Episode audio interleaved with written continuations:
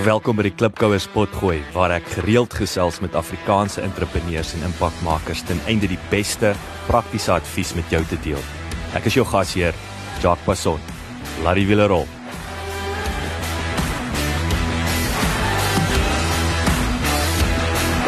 Sarel Du Plessis kan met reg beskryf word as 'n guru van die Suid-Afrikaanse media en bemarkingsbedryf. Met 32 jaar ervaring in die advertensiewese, bemarkingsaangeleenthede en die drukkers en uitgewersbedryf, weet hierdie 64-jarige boerling van Edenvale so ietsie van die media-industrie en draai ook eerstehandse kennis van krisistye in die geskiedenis soortgelyk aan die huidige COVID-19 pandemie en hoe die mensdom gelukkig weer aan die kant uitgekom het. Sarel was onder andere die besigheidsbestuurder van Business Day en verkoop en bemarkingsdirekteur van Times Newspapers in die Media 24 staal. Het hy die poste as onderskeidelik uitgewer en hoofuitvoerende beampte van sowel die Sondagkoerant afdeling RCP Media as News Media North die uitgewers van Rapport, Beeld en Volksblad bekleed. Sarel was ook die stigter van As24 en algemene bestuurder van Groot FM wat natuurlik die baie suksesvolle Groot Ontbyt insluit. Terwyl Rapport se uiters gewilde ons sing jou taal uh, serie reeks sy breinkind was. Deesdae bedryf Sarel sy eie konsultasiebesigheid Lekker Media En dit is vir my heerlik om 'n bietjie nouer saam met Sarel te werk en natuurlik gaan hy ons help om binnekort bank bank te loods. Lekker leer, lekker luister.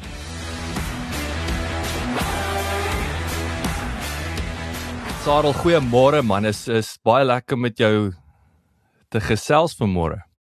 Goeiemôre Jacques.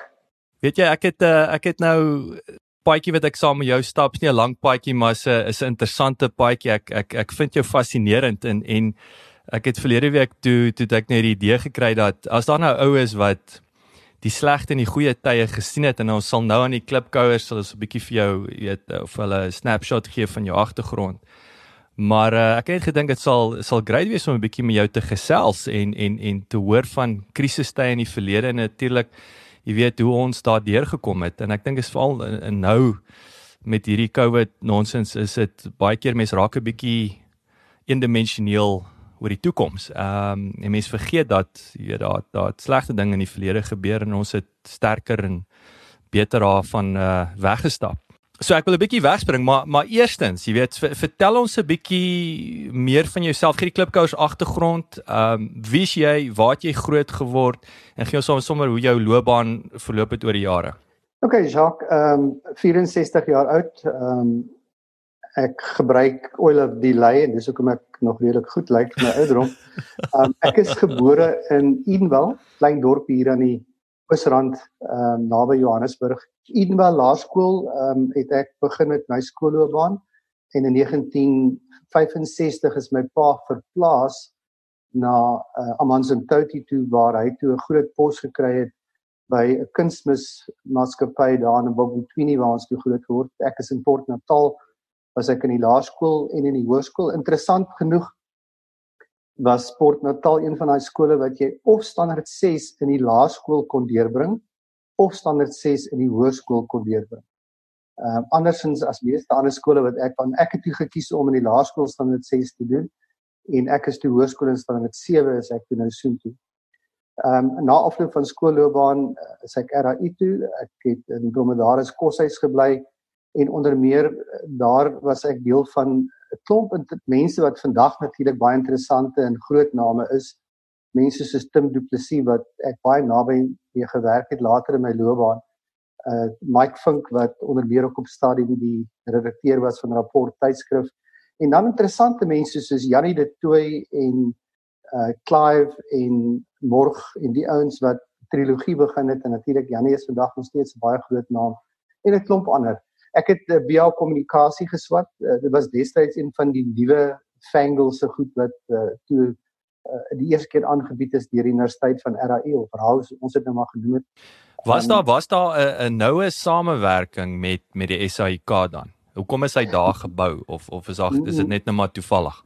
Nee, dis bloot toevallig wat wel belangrik was is dat ons wat uh kommunikasiekundige swat het, moes as deel van ons praktiese werk moes ons probeer om in 'n media organisasie wel te gaan tydelik werk in die middag na klasse en so voort. En ek het toe toevallig het ek ehm um, ingestap by Perskor se hoofkantoor waar die drukkery daar naby RAI was uh die nuwe gebou nou nie die ou gebou nie en beland in hulle verspreidingsafdeling waar ehm um, die taak was dat ek het nie meer na klas toe gegaan dan gee hulle vir jou so ou Peugeot handrat kar en en 'n klipbord en dan 'n klomp kafees in 'n area wat jy nou moes na toe gaan met die kar en dan stap jy in nou by die winkel en dan vra jy nou vir die winkel eienaar of bestuurder hoeveel koerante het jy ontvang van die Vaderland, die Transvaal en al die ander koerante op die lys?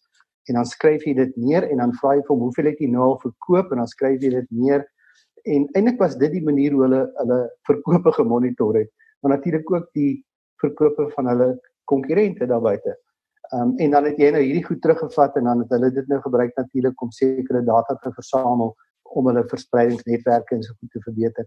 So op die manier het ek beland in die bestuurskant van koerante nooit aan die redaksionele kant soos my goeie vriend Tim Du Plessis uiteindelik redakteur van rapport geword het. Ek en 'n 'n jong vriend van my destyds 'n uh, redelike kontroversiële jong vriend wat later predikant geword het en uh, miskien gaan ek nie sy naam noem nie want daar's nog steeds allerlei goed op die internet oor hom. Maar ek en hy het besef dat ons is absoluut media mal en ons gaan vir dromedaris die kosses wat ons in woon gaan ons uh, maandblad begin. En omdat dromedaris nou die skip was een van Jan van Riebeeck se skepe het ons toe die maandblad het ons genoem die mishoring. Omdat dit ook dan natuurlik dan 'n verspreiding van inligting is en op die manier het ons dan nou allerlei interessante storieetjies geskryf en ons het van die personeel gekry om te skryf oor wat gebeur in sekere klasse. Tim het vir ons geskryf oor die politiek van die tyd en hy was al toe redelik baie polities georiënteerd geweest, wou ook in die politiek op 'n manier of in die journalistiek van politiek beland.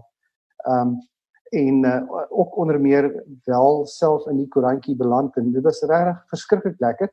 Maar ons het Daar was, was daar niks so soortgelyks op daai nee, stadium. Niks nie, niks glad nie. So ons het hierdie hierdie droom gehad, kom ons skiet die ding uit, maar ons nie weet hoe om dit te doen nie. So uiteindelik het ons besef ons moet hom laat druk by iemand.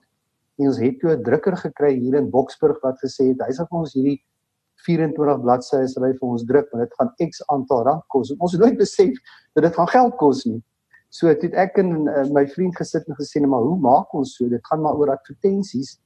En uh nou ja, uiteindelik het ek redelik beland in die in die advertensieverkope en die reklamebedryf ook So ek het gesê ek sal gaan geld soek en ek het daar in Melville afgestap en by uh, die Standard Bank tak ingeloop en gevra of die bestuur kan sien en toe verduidelik waar gaan hierdie maandblad en ons is 'n koshuis hier naby aan hom en ons is almal mense wat in die toekoms iewers iewers gaan kom en dit is belangrik dat hulle ons help en hy het gesê hoeveel geld het jy nodig? Ek het nie geweet nie. Ongelukkig het ek nie geweet nie en ek het toe maar sommer uit my kop uit gesê 250 rand. Hy het gesê geen probleem nie. En hy het fisies uit een van die kassiere se laai het hy die 250 rand gaan haal vir my gegee en ek het 'n strokie geteken as bewys van ontvangs. Ja. En ek dink ons het 'n 10 rand wins gemaak op daai blad ons eerste een daarna maar Standard Bank het aangehou om elke maand ons blaadjie te borg met 250. Jy's nou spyt dat jy het nie 500 seker gesend in, in ja, na die tyd toe nou nie. Maar maar dit was my eerste ervaring van advertensieverkope. So na na RAI uh, is ek opgeroep. Ek moes weermag toe gaan. Ek het Kimberley toe gegaan, Diskoblos, een van die groot kampe daar in Kimberley omgewing. Uh 2 jaar wat ek in die in die weermag deurgebring het. Het nie 'n keuse gehad nie. Ehm um, so die 2 jaar was en ek dink ek was een van die laaste wat 2 jaar gedoen het. Ehm um, uiteindelik het ek as deel van my laaste jaar het ek opgeëindig in Natal Komandement uh, in Durban wat naby was aan waar ons gewoon het in Amanzimtoti. En was dit 'n uh, nie te moeilike tydperk wat ek deur gegaan het nie. Ek onthou die dag toe ons uitgeklaar het na 2 jaar het die uh uh offisier wat die die die groot baas was van 8 KNT of kommissariaat en transport depot my nader geroep en sê maar ek het hierdie besigheid vir ons so lekker bestuur wil ek nie bly dan word ek 'n 'n permanent force of affairs soos hulle dit genoem het en dan gee vir my X geld ek het gesê hy sê Kamal van sy kop af yes. en ek is weg Ehm um, so ek is toe einde 1979 het ek klaar gemaak met die weermag en in 1980 het ek my eerste media werk gekry. Ehm um, nadat daar is 'n koerantjie daar in die Suidkus wat in die South Coast Sun en hulle het advertensie geplaas waar hulle gesoek het by Republikeinse pers of Republican Press tydskrifte maatskappy vir advertensie besprekingsklerk Uh, ek het aansoek of ek het gesê ek stel belang in 'n oproep gemaak natuurlik is dan nie rekenaars en e-posse en sulke goed destyds nie. Ehm um, hulle het gesê ek kan inkom en ek kan vir meneer Roy Minnar wat die afdelingshoof is kom sien vir 'n onderhoud. Nou ek het nie 'n CV gehad nie want dit het net gesê jy het geswat, jy was in die army en dis dit. So jy het nou niks meer nie. En ek het die oggend so 11:00 daar by Roy Minnar ingestap Uh, hy lewe nog vandag toevallig een van my baie groot mentors in die bedryf en dit is 'n baie belangrike ding om mentors wel te hê. Ehm um, daar gesit en uh, Roy het so half vreemd voorgekom want hy het met sy een voet op die lesenaar gesit, sy hemp het so 'n bietjie agteruit gehang. Ehm um, maar 'n ou wat duidelik geweet het waar hy is en wat hy moet doen. Ehm um, hy dink het my twee vrae gevra en toe die derde vraag wat hy my vra is uh Boetie, drink jy? en uh, ek kan nou onmiddellik sê hierdie kan 'n strikvraag wees. Ek wou sê is dit 'n strikvraag of uh, as ek as ek sê ja gaan hy dalk nie die pos aanbied nie en as ek sê nee gaan hy dalk ook nie met die pos ja. aanbied. so my antwoord was uh, meneer Minnar um, I like a good glass of red wine and yes when there's good whiskey available I certainly would like to also have some of that. En hy het sy arm so opgelig en so na sy polsdosie gekyk toe sê kom ons gaan lunch ek is hier vir 'n onderhoud. En hy is die baas en ek en hy ry toe daar uit ons daar na die Wentworth Hotel toe. Ek dink ons het 4:00 die middag teruggekom. Toe is die onderhoud uiteindelik klaar, maar ons is ook klaar. O nee, maar toe het jy die job. maar goed klaar. En toe ons uitstap toe sê vir my jy maandag begin hoor. Nee, so wat? ek het by Republikeinse pers begin as advertensie besprekingsklerk spesifiek gewerk op twee tydskrifte van die groep destyds op Farmers Weekly en Bona. Bona bestaan nog en Farmers Weekly ook vandag. En niks was gerekanaliseer nie, so jy het eenvoudig alle besprekings vir advertensies wat ingekom het, het jy in 'n groot boek geskryf om te sê wie's die adverteerder, hoe groot is die advertensie, wat is die tarief, wat is die koste, wat is die plasingsdatum en uiteindelik het dit dan nou gedien om die opmaak van 'n spesifieke uitgawe van daai tydskrif te te doen. Ek was so 6 maande by by die afdeling die advertensie administrasie afdeling van Republikeinse pers eh, wat 'n privaat maatskappy was dit het in die Hyman familie behoort.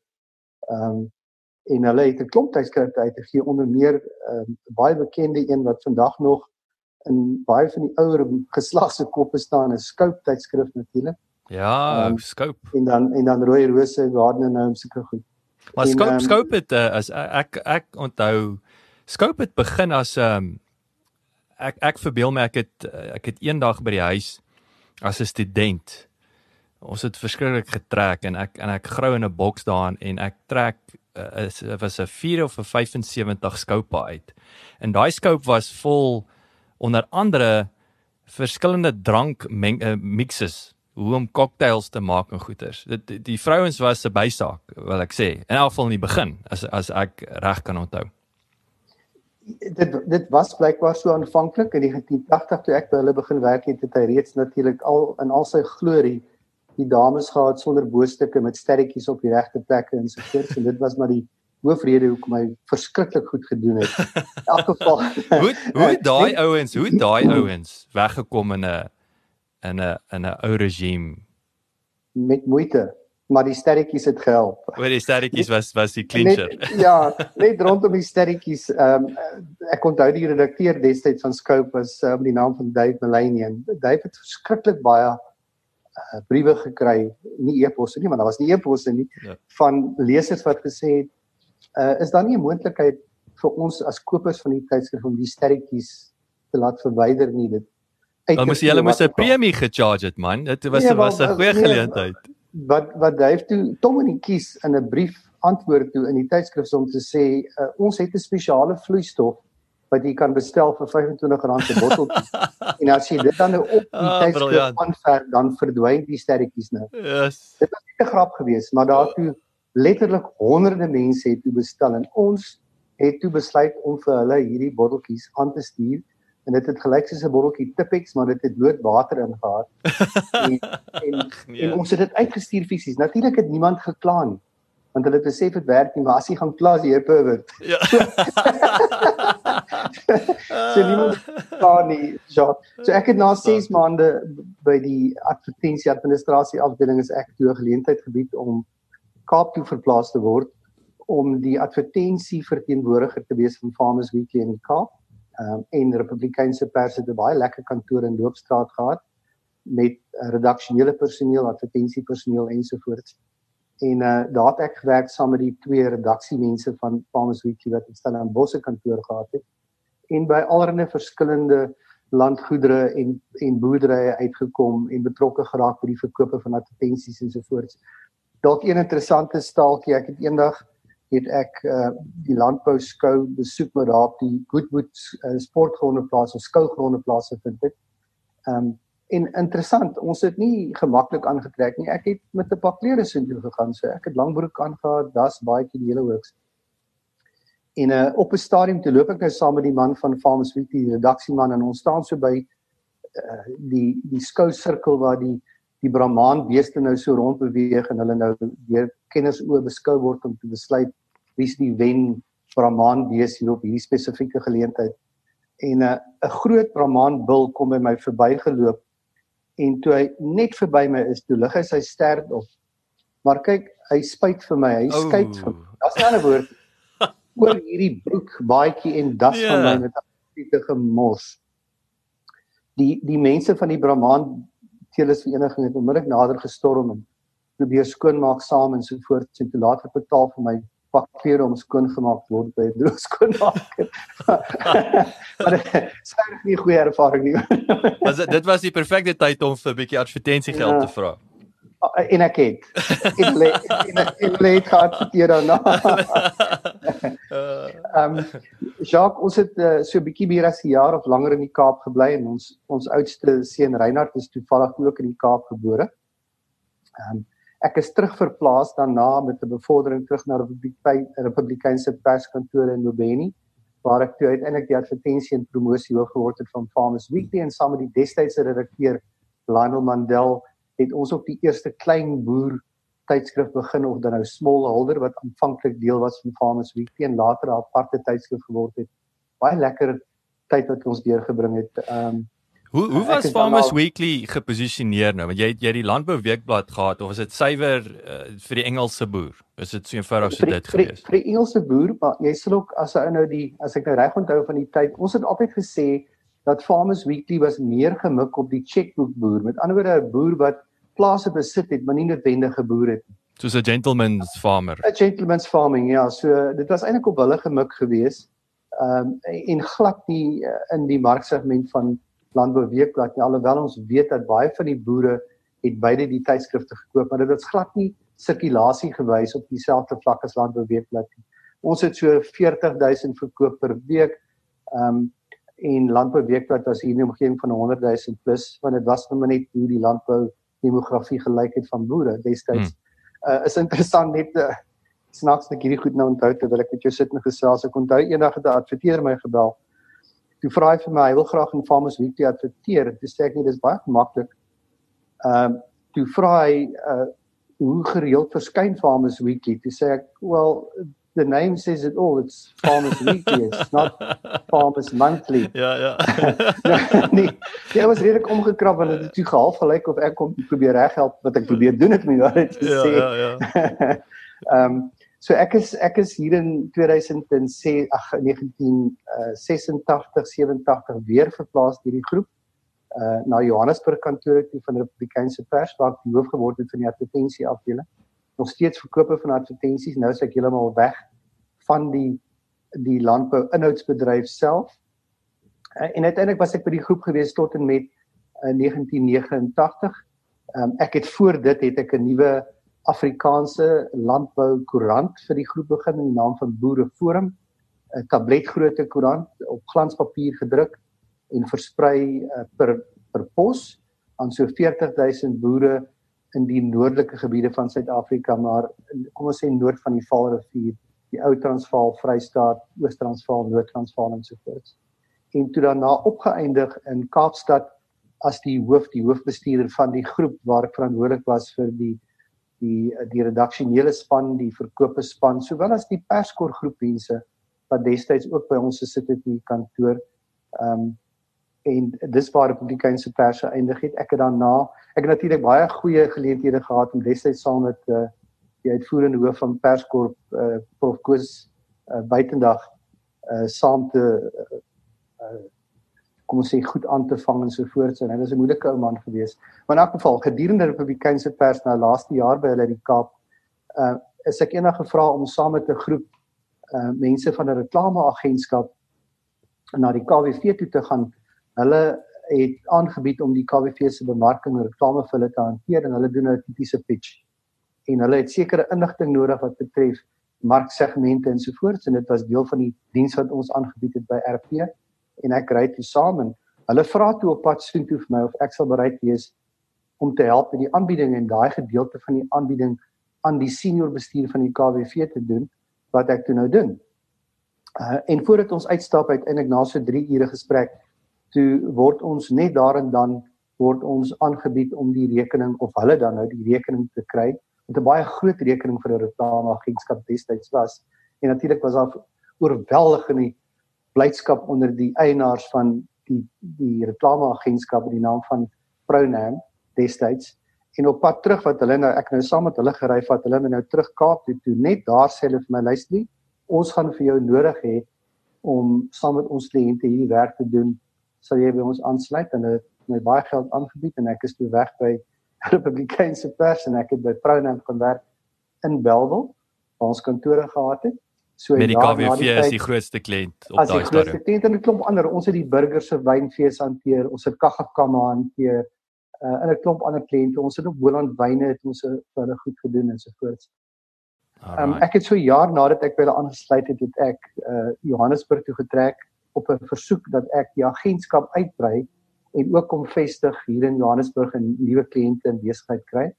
Uh, ons het dit toe gedoen. Ek het 'n kantoor gevestig daar in Randburg ook onder die naam Bonham. En uiteindelik het ons saam met 'n ander kleiner agentskap hier bo in Gauteng saamgesmelt. Dit het uiteindelik die Bonham Partnership geword. 'n Lekker groot besigheid. Um, en ek was steeds deel gewees as 'n vernoot van hierdie besigheid tot en met 1993 uh waar ek op daai stadium ook onder meer die media vir die agentskappe hanteer het en dis het ek die media maatskappye soos Media 24 dit was toe nog nie Media 24 die Times Media en ander gesien het omdat hulle ons kom sien het om te vra dat ons ons kliënte se advertensies by hulle sal plaas. En een van die ouens wat die dag daar by my instap, sy in die naam van Robin Parker, hy so jaar gelede oorlede, 'n legende in die bedryf.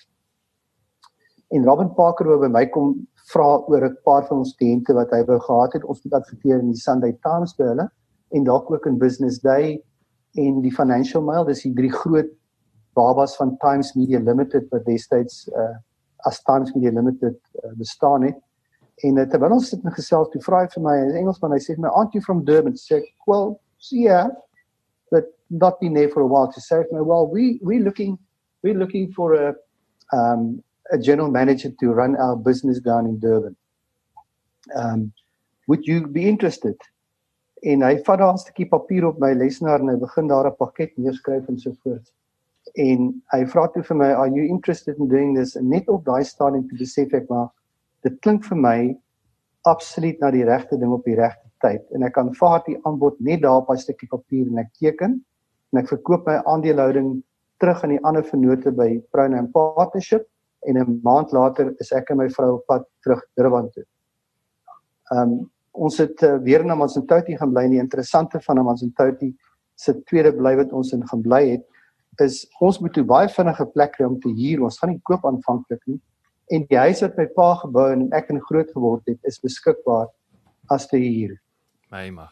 Ons het teruggetrek in die huis wat ek in groot geword het toe nou saam met my vrou en ons eerste kind wat toe nou al 'n paar jaar oud is. Ehm um, en ons het kantore gehad in Durban in die in die hoofstad van Durban self waar ek dan nou die hoofbestuurder was van die groep wat betref al hulle aktiwiteite. Daar was 'n redaksionele spanne van die koerante, die verkope afdeling en so voort. Uh dit was 'n baie goeie 3 jaar vir my net uiteindelik daartoe gelei dat my loopbaan in die mediabedryf is werklik vir die eerste keer absoluut gefestig gewees. Um met die planne wat ons gemaak het en die goed wat ons reg gekry het as 'n span en tydens die jaarlikse MoMA toekennings of the Media Owners Marketing Awards in April uh 2096 ekskuus ek wil altyd onthou waar ons nou is um het die besigheid in Durban van Times Media Limited die aand 11 van die 14 toekennings gewen uh vir verskillende kategorieë van werk wat ons daar gedoen het. So dit was baie lekker. Wat was daai? Um, wat is die koerante? Uh, noem dit net weer eh, asseblief. Dis die die Sunday Times, uh, die Business Day, die Sonder Financial Mail. Ehm um, was die drie uh groot groot manne. Groot groot, groot manne van Times Media Limited, ja. En dan natuurlik het hulle later het hulle ook 'n tydskrifte afdeling gevestig wat deel was van wat ek in Durban gedoen het. Ehm um, ek is toe bevorder uit Durban uit terug Johannesburg toe as die hoofbestuurder van Business Day. Ehm um, waar jy nou verantwoordelikheid neem as kom ons sê dan 'n uitgewer van daai spesifieke publikasie het 'n redaksie natuurlik wat nie aan jou rapporteer nie want in al die omgewings wat ek in gewerk het was redakteurs en hulle aktiwiteite nooit onderhewig aan bestuur nie jy het wel die infrastruktuur vir hulle bestuur onderweer en seker gemaak dat daar bemarking is en verspreiding is en advertensies is en alles wat hulle nodig het maar die redakteurs het nooit aan die hoofbestuurders gerapporteer nie maar dit was 'n baie lekker ondervinding en 'n ervaring om 'n koerant soos Business Day wel te kon bestuur wat destyds regtig ehm uh, seker vandag nog steeds uh, as 'n finansiële publikasie vir daaglikse basis 'n baie groot diens gelewer het aan beleggers, aan sakemanne, organisasies ensovoorts. Um, so ehm, net net ek wil net vanaand daar jou in die rede val jy, jy het nou jy het nou mooi verduidelik uitgewer versus redaksie. So uitgewer as jy praat van jy's die uitgewer jy sit die hele infrastruktuur in plek, soos jy sê die bemarking, maak seker daar's kantore en dan kom die redaksiespan en wat basies die inhoud skep. Korrek, hulle verskaf die inhoud. Ehm um, jy doen ook alles daarna. Jy sal die blad opmaak van die koerant doen en so voort. So die blad opmaak van koerante of tydskrifte is maar altyd onderhewig aan advertensies spandering. So ehm um, net om een voorbeeld te vat, ons het X aantal kolom sentimeters vir môre se koerant en gegee die die manier hoe 'n koerant opgemaak word 60% inhoud 40% reklame wat hom winsgewend genoeg gaan maak sal jy met ander woorde sê gegee die hoeveelheid reklame wat ek het x aantal kolom sentimeters kan ek uh, in totaal kan ek 'n 24 blad koerant môre uitgee so dan begin my afdeling om daai koerant aan mekaar te maak aan te sit hier al die advertensies te posisioneer op daai 24 bladsye waar hulle bespreek is 'n bladsy 3, 'n bladsy 5, 'n 7, 'n strip ad onder uh, oortjies daar ensovoorts. En sodra dit afgehandel is, gee ons daai pakkie deur aan die redaksie en sê dit is wat julle nou moet volmaak in daai 24 bladsye in terme van inhoud. Natuurlik is daar sekere goed wat belangrik is. Daar's 'n hoofartikelblad wat altyd uh, gegee is. Jy kan nie daar advertensies plaas nie jy kan nie advertensies in die middel van 'n blaaie plaas nie ensovoorts. Maar dit is 'n ooreenkoms tussen redaksie en advertensies en dan maak redaksie daai koerant vol en maak seker Wie is die belangrikste?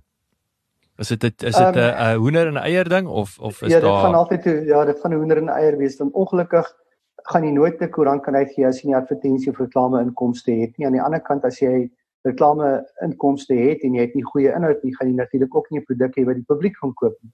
Hmm. So dit is daai drie elemente wat uiters belangrik is. Aan die een kant is dit inhoud, aan die ander kant is dit geld en aan die derde kant is dit 'n koper daar buite wat moet reageer op hierdie pakkie van inhoud wat jy aan hulle beskikbaar stel. Maar jy moet seker maak daai drie uh uh bene werk goed saam. Absoluut. Ja, en jy moet met ander woorde ook 'n baie goeie verhouding hê intern moes jy kan kweek met jou redaksiespan uh met jou drukkers aan die buitekant met jou advertensieverkoopsmense wat dit moet opmaak.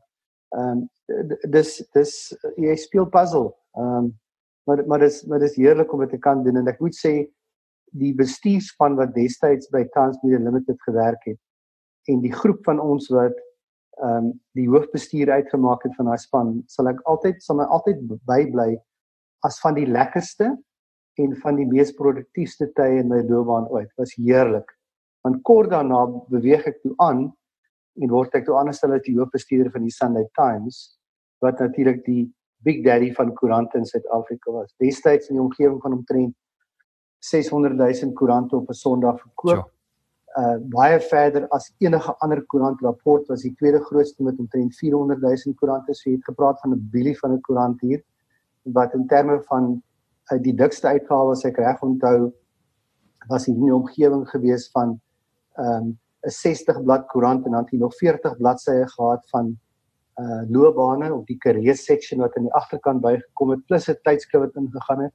Uh was regtig 'n ongelooflike pakkie om mekaar te sit elke week en geweldig baie geld gemaak het. Um nie net uit omslag verkoop nie, maar dit was eintlik die sekondêre inkomste stroom. Jou advertensie inkomste was by verre die meeste geweest. Maar 'n groot baba wat elke week aan mekaar gesit moet word. Um ek het saam met 'n uh, aantal redakteurs gewerk daar toe ek die hoofbestuurder geword het van Sunday Times. Um ek het saam Brian Pottinger gewerk en toe later saam met Mike um nou van Mike se naam is van my naam val. Um ongelooflike mense wat geweet het wat belangrik is en die inhoud geskep het om vir die demografiese profiel vir wie die koerant bedoel was daar buite seker te maak dat hulle daai koerant gaan koop. Uh ek dink van die groot goed wat ek kan onthou wat uitstaan gedurende daai tydperk twee goed wat belangrik was. Ehm um, Sunday Times het begin met die eerste baie groot nasionale kompetisie Finders Keepers. Baie mense onthou dit vandag nog. Ek was deel daarvan gewees. Waar ons 'n miljoen rand ehm um, in kontant weggegee het aan een leser van die koerant wat oor 'n periode van 6 tot 8 weke elke week leidrade moes in die koerant moes uh, opvolg om uiteindelik dan nou aangewys te word as die wenner van die 1 miljoen rand en ons het onder meer dit ook redelik sterk op televisie geadverteer destyds. Ek onthou met die eerste Finders Keepers wat ons toe uiteindelik die wenner bepaal het, het ons besluit om 'n bietjie van 'n 'n 'n produksie daarvan te maak so die wenner en vier personeellede wat voorgedoen het dat as hulle lesers is was een van met ander woorde 'n spannetjie van 5 moontlike wenners alhoewel dit was nie so nie. Die wenner was daar saam met sy vrou en dan was daar vier personeellede wat kamstig ook moontlike wenners. En ons sou kamstig die wenner dan nou aanwys gedurende 'n funksie 'n middagete by 'n plek daar naby en ons het almal met 'n bus gery. En ek het besluit om die wenner so 'n bietjie te por en te sê maar kom ons kom ons kom ons maak 'n plan hier want dis een van ons wat dit gaan wen En as ek met jou 'n deal maak, as ek wen gee ek jou die helfte van my daai miljoen en as jy wen gee jy my die helfte. En hy het so 'n bietjie gedink en met sy vrou gekyk en sy sê dis nie 'n sleg idee nie. Want ten minste dan het hy 'n beter kans om 500 000 te wen as 'n miljoen ja. te wen. En uh, toe later toe kom hy terug toe sê hy sy vrou sê nee. Ehm um, sy dink nie dis 'n goeie plan nie want want as hulle wen is 'n miljoen. Sê jy ek verstaan dit. Maar jy het een uit 5 kans. 100% van hulle is 0. gaan praat ek kamstig met die ander toe kom ek terug te sê ek ons is almal ons kan almal kan 200 000 rand wen ongeag wie nou vandag gaan ja, wen. Ja, ja, ja. Want dan is elkeen 200 000. Met ander dis nog steeds baie geld. Yes. En het, en uiteindelik het almal daarvoor geval tot reg aan die einde toe kom die werklike wenner terug te sê nie hy's uit. Hy gaan sy kanse vat. Hy gaan nie saam met die ander ingaan nie. Natuurlik toe hy nou uiteindelik besef wat gebeur en hy sy miljoen rand cheque kry en daar staan saam met ons toe vind toe vind hy nou uit natuurlik ons is ons het hom ons het ons 'n bietjie gevolg. Dit was baie lekker. Ek dink die tweede die tweede een wat by my bystaan of eintlik drie goed wat bystaan in hierdie tydperk wat ek dink ehm um, wys hoe moeilik dit of hoe maklik dit kan wees as jy 'n span mense het wat in een span saamtrek dan is dit spesifiek die ehm um, die Saterdag aand in die dood van Lady Di in Frankryk in 'n tonnel Nou as jy ou verstaan hoe werk 'n Sondagkoerant teen 'n Saterdagmiddag ehm um, hierso teen 4:00 se kant is die inhoud van daai koerant is alles verpak. Die stories is geskryf, die bladsye is opgemaak, die advertensies is geplaas, die goed is reeds by die drukkery. Hulle begin reeds om plate te maak uh, op die drukkery. Hulle sit reeds op en hulle het begin druk alreeds want hulle begin hierso so teen 7:00 8:00 begin hulle druk. En ons druk natuurlik daai koerant op verskeie plekke reg in die land hier in Gauteng in die Kaap en Port Elizabeth en in Durban. Ehm um, en dan ewe skielik kry jy die nuus hier in die omgewing van 9:10 hierdie aand dat ehm um, hierdie ikoniese persoon is in 'n motorongeluk oorlede en natuurlik jy kan nie môre daai koerant uitsit op straat as jy nie hierdie storie dek nie. En daai hele redaksionele span het daai nag teruggekom Ons het die verspreide koerant het ons gestaak. Ons het die hele ehm um, verspreidingsnetwerk op hol gesit en gesê kom terug rolperse toe. Bring die koerante wat julle nog nie aflewer dit nie terug. Ehm um, hulle het daai hele koerant aan mekaar gesit met al die inligting. Natuurlik is dit nie die hele koerant nie, dis eintlik die voorblad en 'n paar ander bla, paar blaaie, maar ja. dit moet erbij gesit word. Uh ons was die oggend teen 6:30 bietjie later as gewoonlik was ons terug op straat gewees met 'n nuut oorgemaakte koerant met Lady Dias se dood in die koerant in. Uh en natuurlik met 'n baie verligte hoofbestuurder en 'n redaksie wat sê dat ons we we we done it. We got it out there. Dit het gewerk en so voort. So dit kan dit kan gedoen word indien dit nodig is. Daar's natuurlik geweldige groot verlies van gedrukte koerante wat toe nie verkoop is van die eerste lot nie, uh wat teruggekom het, maar die die addisionele verkoop op die koerant het opgemaak vir daai verliese. Ek dink ons het dit was seker een van die grootste verkopers van alle tye van van Sunday Times. Pragtig. So ons praat nou 97, né? Nee. 97 ja. Ja, daar's 'n storieetjie rondom dit ook aan my eie kant. Ehm um, my, my jongste kind Danika dogter ehm um, is 2 dae voor dit gebore voor die dood van Lady Di en ek was toevallig in die teater tydens die geboorte van ons dogter en my vrou het epidurale keisersnee gehad en daar's natuurlik nou 'n klomp mense in die teater waar staan die die dokter self die ginekoloog en 'n paar ander mense en toe hulle vir Danika uit die baarmoeder uit haal toe gee hulle haar vir my aan. En ek maak toe die volgende stelling terloopse stelling wat ek gemaak het op grond van iets wat ek gelees het. En ek het gesê daarvoor al daai mense ek het iewers gelees dat daar kan ten enige tyd in hierdie wêreld net 'n sekere aantal prinsesse wees. En wanneer 'n nuwe prinses gebore word, moet 'n bestaande prinses sterf om plek te maak vir die nuwe prinses. En lo and behold, twee dae later sterf Lady Di in 'n tonnel in Frankryk. Kon daai die ginekoloog het daar by my vrou ingestap die oggend en gesê: "Wat het jou man gedoen deur hierdie ding te sê?" Uh ja. natuurlik is dit glad nie iets wat ek op daai ja, stadium Ja, so 'n miljoen jaar dit nou gedink het gaan gebeur. Ek dink uh, en en ons kom dalk nog daar by Jacques, maar terwyl ons nou in hierdie storielyn van my is ek was by die ehm um, by die Times Media Limited groep spesifiek in die in die hele aanloop tot Y2K. Jy onthou Y2K? Ek yes. dink meeste van ons sal Y2K onthou. Die vrees was dat alle rekenaars sal op 'n werk ehm um, huisbakke sal gaan staan. Uh mense wat op roltrappe staan sal nie kan verder beweeg nie. Hulle gaan daar staan vir lank. Ehm um, en natuurlik gaan ons nie 'n besigheid soos koerantuitgewery kan bedryf nie want alles is op rekenaars doen op daai stadium. Ehm um, en die voorbereiding en die beplanning wat gedoen was wat ek tot vandag toe nie kon verstaan dat almal van ons insluitende 'n ongelooflike goeie IT afdeling by daai groep nie kon verstaan het dat but, but why this is just not going to happen. Ja. Hoekom sal rekenaars ophou werk? Om watter rede en dan was daar stories vertel van hoekom dit kan gebeur of moet gebeur of moet sal gebeur en so voort.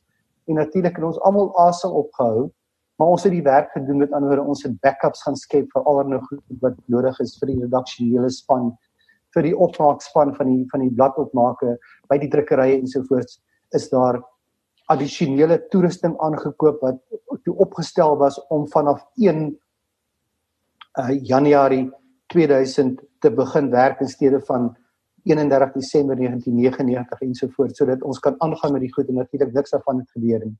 Ehm um, dit was 'n geweldige klomp werk wat gedoen is. Dit was geweldige druk op almal gewees en spanning wat geskep was wat as jy seker terugkyk nou dan seker een van die grootste flops ooit in terme van to toekomsverwagtinge wat jy gehad het wat natuurlik niks van gekom het nie. Jacques hier um, in die tydperk wat ek vir Times Media Limited gewerk het was van die senior mense altyd aangewys om die groep te verteenwoordig op allerlei bedryfsliggame soos die Print Media Association of South Africa of op SAPA uh of op uh, die ABC of uh organisasies waar hulle betrokke by was en hulle verteenwoordiging moes gehad het. So in daai tydperk was ek onder meer 'n direkteur gewees van Print Media SA of PMSA. Ek was op die die direksie van die ABC, die Audit Bureau Circulation namens Times Media Limited. Nou nie op my eie nie, maar ook die namens die Sanitans, maar eerder as die groep in 'n paar ander direksies. En natuurlik omdat jy op daai direksies gedien het, het jy saam met direkteure gedien van ander groot media maatskappye. Naspers se mense was daar, Independent se mense was daar, Caxton se mense was daar. Dis nou maar die vier groot koerant media organisasies wat in al hierdie goed almal betrokke was. En gewoonlik het hulle ook befonds en daarom het hulle verteenwoordigers op hierdie direksies gehad en ek onthou tydens een van die PMSA direksievergaderings was daar 'n uh, man wat my verskriklik beïndruk het. Sy naam is Jan Malherbe. Jan Malherbe lewe nou nog vandag. En Jan was destyds die die uitvoerende hoof van NAS Pers se koerante afdeling. En uh, ek en hy het baie goed bevriend geword omdat ons eintlik in daai groepies op hierdie direksies eintlik van die enigste Afrikaans sprekendes was. Die ander was nou altyd ehm um, meestal Engels sprekend en ek onthou Jan het eendag vir my gesê toe ons buite staan en koffie drink, hy sê vir my, "Wat maak 'n goeie boerseun soos jy by hierdie Engelse mense?" Dis nou die Transmedia Limited groep. Dis ek werk lekker hier. Ehm um, uh, en hy sê toe vir my, "Maar ek, ek kan iemand soos jy gebruik." Dis ek nee, maar ons praat maar nie toekoms iewers vorentoe. En uh, dit was hier in die middel van die jaar 2000 na Y2K nou nie gebeur het nie wat ek op 'n Saterdagoggend opkry en dan Malherbe, ek is nog by die huis en Jan, ek weet nie waar hy my nommer gekry het nie, sê vir my luisterie, wat is die kans dat jy vanmiddag op 'n vliegtuig kan klim en Kaap toe kom om my te kom sien? Ek wil graag met jou gesels. Ek sê waaroor? Hy sê nee, ons het 'n plan. Ek koop daar en dan vir my 'n vlugkaartjie. Ek is die middag af Kaap toe. Ehm um, ek het hom laatmiddag in sy kantoor gekry in die Naspers gebou op die Voorstrand.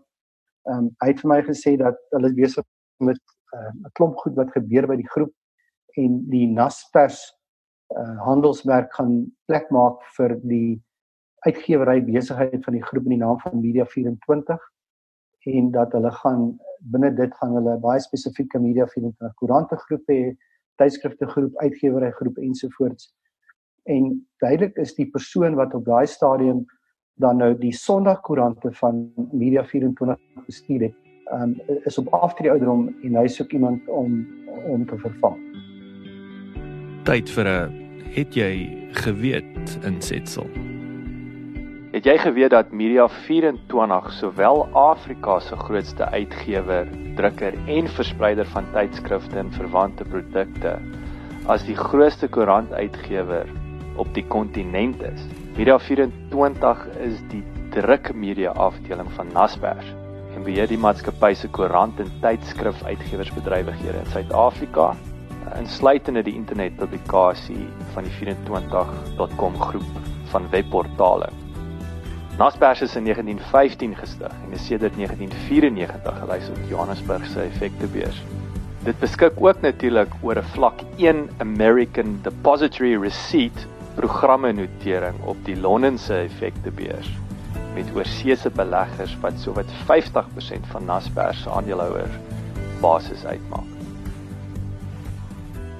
Hulle het 'n uh, eh, baie uitstekende pakket aangebied wat onder meer eh, 'n groot hoeveelheid Naspers aandele ingesluit het wat ek dink 'n redelike clincher was in so 'n gesprek. En ek is terug uh, huis toe die aand laat en 'n besluit geneem saam met my vrou en gesin en gesê kom ons maak hierdie skuif en ek het toe by Transmedia Limited bedank. Kan ek net sê op daai stadium was ek nie meer die uitgewer van of die hoofbestuurder van die Sunday Times nie. Ek is toe intussen tyd bevorder na sales en marketing director van die groep. Ehm um, waar ek daai verantwoordelikheid namens die die hele besigheid hanteer het. Ehm um, so dit was 'n belangrike besluit vir my want ek beweeg weg van 'n direkteurspos af in 'n groep waarna 'n baie groter groep toe wat groter potensiaal toon Ehm um, maar met dalk nie so belangrike posititel as wat ek tans het nie. wat eintlik nie noodwendig moet sê dis belangrik, dis belangriker nie. Maar in elk geval ek is toe weg sien toe. Ek is toe aangestel as die senior hoofbestuurder van die koerante groepie bo in Gauteng in Johannesburg. Die Media 24 gebou is daar in Auckland Park, net so 'n paar hande tree weg van die SAIK gebou af. En my verantwoordelikheid was om die besigheid in totaliteit van die koerante groepie bo te bestuur. Dis die hoofkantoor van koerante is hier. Die hoofkantoor van tydskrifte is in die Kaap, maar koerante is hierbo want dit is waar onder meer rapport, beeld, City Press, ehm, 'n um, klomp gemeenskapskoerante ensovoorts besigheid en natuurlik die Volksblad is naby uh en en dit is hoekom ons hier bo dit bestuur het op die manier. Maar my verantwoordelikheid was aanvanklik net hier bo gewees in die koerante. In daai tydperk, uh, ek dink as in die eerste jaar wat ek uh, wat ek die die besigheid begin bestuur het hier bo, ehm um, het ek besef dat ons het eintlik 'n baie groot probleem rondom die advertensieverkope van 'n groot groep soos Media 24 koerante. Wat dit eintlik behels het is dat elkeen van die koerante het sy eie verkoopspan gehad wat die direkte adverteerders hanteer het sowel as die nasionale adverteerders. Nasionale adverteerders kom altyd daarop neer dat jy by reklameagentskappe gaan bemarking doen, verkope hanteer, want gewoonlik is dit baie groot nasionale kliënte wat van reklameagentskappe gebruik maak en jy gaan nie noodwendig na daai kliënt toe nie, jy gaan na sy reklameagentskap toe wanneer jy aan, aanbieding gaan doen. Maar nou kom die ou van beeld by uh, the media shop en hy doen 'n pragtige voorlegging en die ouens by media shop sê, "Jep, ons gaan hierdie kliënt by julle adverteer in die beeld te maar ons is moet by rapport op wees." Dan sê daai ouetjie, "O oh, nee jong, ek kan teer nie rapport nie. Ek sê iemand kry van rapport hier te kom sien." En so het hulle dit gedoen en dan het dan het iemand uit die Kaap uit gevlieg en om namens die burger te kom en toe sê ek, "Maar dit kan ons in nie werk nie." As ons wil beter en slimmer werk, hoort ons organisasie te vestig wat namens die koerante groep hierdie taak kan verrig op op alle vlakke nasionaal sowel as direk. En uit dit is Ads 24 gebore. Dit was my baba gewees het ek toe saam met die die Nascom en die Nasnet groep. Nascom was die die die gemeenskapskoerante of die communities en Nasnet was die dagblaai en die sonnakoerante se afdeling. Ons het daai goed saamgevoeg 'n nuwe handelsmerke skep vir hulle en dit genoem Ads 24 om saam te vorm met die 24 handelsmerk van Media 24 en alles sit op daai string begin 24 word in elk geval. So dit was die regte naam op die regte tyd en dit toe geherposisioneer as 'n organisasie wat eintlik wegstaan van die bestuur van die koerante en hulle primêre verantwoordelikheid is om namens daai koerante hulle begrotings te gaan jaag en te verbeter teenoor wat die koerant self op sy eie kon doen. Dit natuurlik noodwendig daartoe gelei dat in hierdie proses het van die koerante wat kom ons sê nou maar sekere advertensies gekry het by 'n sekere adverteerder dit begin verloor het want die sinvolle verkope daarvan het beteken dat wanneer jy by die agentskap gepraat het het dit sin gemaak om eerder daai advertensies by daai koerant en daai koerant te plaas en nie by hierdie koerant nie. Maar die taak was om uiteindelik die spandering van daai kliënt te verdubbel so die groep het gebaat daarbey alhoewel 'n titel mag dalk minder omsette gekry het van 'n spesifieke adverteerder nou as ek reg onthou toe ons begin het in 2000 Oktober oor 2000 um, met Ads 24. Ek het 'n bestuur gehad destyds. Dit was nie uit aan my gerapporteer maar ek het dit nie self bestuur nie, maar ek het die ervaring gehad van Tans Media Limited af. Het ons gesê, hoe lyk die totale begroting van die koerante se nasionale adverteerders vir die jaar 2000 2000 2001 en as ek nie mis het nie en dis dis nou ou syfers so dit maak seker nie saak as ou dit noem nie eh dink ek die begroting in totaal was so by 400 miljoen rand se omsette. Dis nou vir al die koerante binne die groep. Dit sluit al die gemeenskapskoerante waarvan 'n hordes is, plus jou groot sonnagkoerante, plus jou dagblaaie en intussen tyd nog 'n sonnagkoerant bygekom en dit was Sunday Sun. Ehm um, en nou sit 'n ou met daai geld en ons het te sê ons wil dit verdubbel. Ehm um, Jacques, ek is ek is trots om te sê met die span mense wat ons destyds gehad het, het ons hier teen 2000 in 4 5 was daai omset nie verdubbel nie maar vir 3 4 dubbel. Want dit het, dit het net sin gemaak om dit op hierdie manier te doen tot voordeel van die groep, maar meer belangrik tot voordeel van die adverteerder. Uh want want dis tog wat belangrik is vir jou. Die ou moet voel dat hy kry die regte advies by hierdie groep om op die regte plekke te adverteer en nie omdat hy 'n slim rep het wat hom omkom of 'n of 'n mooi gesiggie wat wat kom probeer verkoop nie. So dit het regtig baie goed gewerk. Ehm um, ongelukkig is ons hoofbestuurder van Ads 24 daai stadium op op 'n uh, eh, aftreederom gewees en toe word ek gevra om die besigheid te bestuur en ek is toe aangestel as die uitvoerende hoof van Ads 24 vir 'n tydperk van 'n jaar en 'n half om nou die besigheid te vestig. Ehm um, wat toe gebeur het, ons het toe baie goed reg gekom en toe in uh 2003 en daar rond is ek toe aangestel as die uitvoerende hoof van die Sondagkoerante divisie rapport City Press Sunday Sun.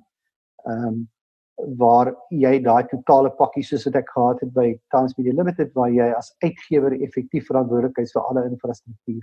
Weereens die die die redakteur van daai groep werk hier baie nou weer saam van daai koerante. Hulle rapporteer nie aan jou nie. By Media 24 is dit eintlik nog meer interessant. Die redakteurs van die koerante het net gerapporteer direk aan die voorsteur van die direksie op daai stadium Ton Vosloo, meneer Ton Vosloo. Ehm um, andersins het die redaksiespan het natuurlik aan die redakteur gerapporteer, maar die res daarvan weer keer alle infrastruktuur, alle verspreiding, alle omsette, alle opmaak, al daai goed was deel van die uh, uitvoerende hoof se verantwoordelikheid om dit laat werk. Ek kan net sê dat om nou terug te kyk na die tydperk was daar twee groot stories by rapport wat wat baie belangrik was. Ehm um, die een was uh die die hele storie oor uh, Steve Hofmeyer en en Janine uh van der Vyver met wie hy vandag getroud is en 'n kind het wat vir ons een van die grootste verkopers van alle tye was uh, in die tyd wat ek die koerante bestuur het by Media 24. Ehm um, ons het gewoonlik so ek het altyd gelag daaroor en gesê ons verkoop so gemiddeld 420 000 koerante op 'n Sondag, waar as die bulle teen die Stormers speel op loftes en die bulle wen, dan verkoop ek so 40 000 meer koerante gemiddeld. Pragtig. Maar hel as die bulle verloor, dan verkoop ek 60 000 meer koerante. So dit is kwaad vir die wêreld dan.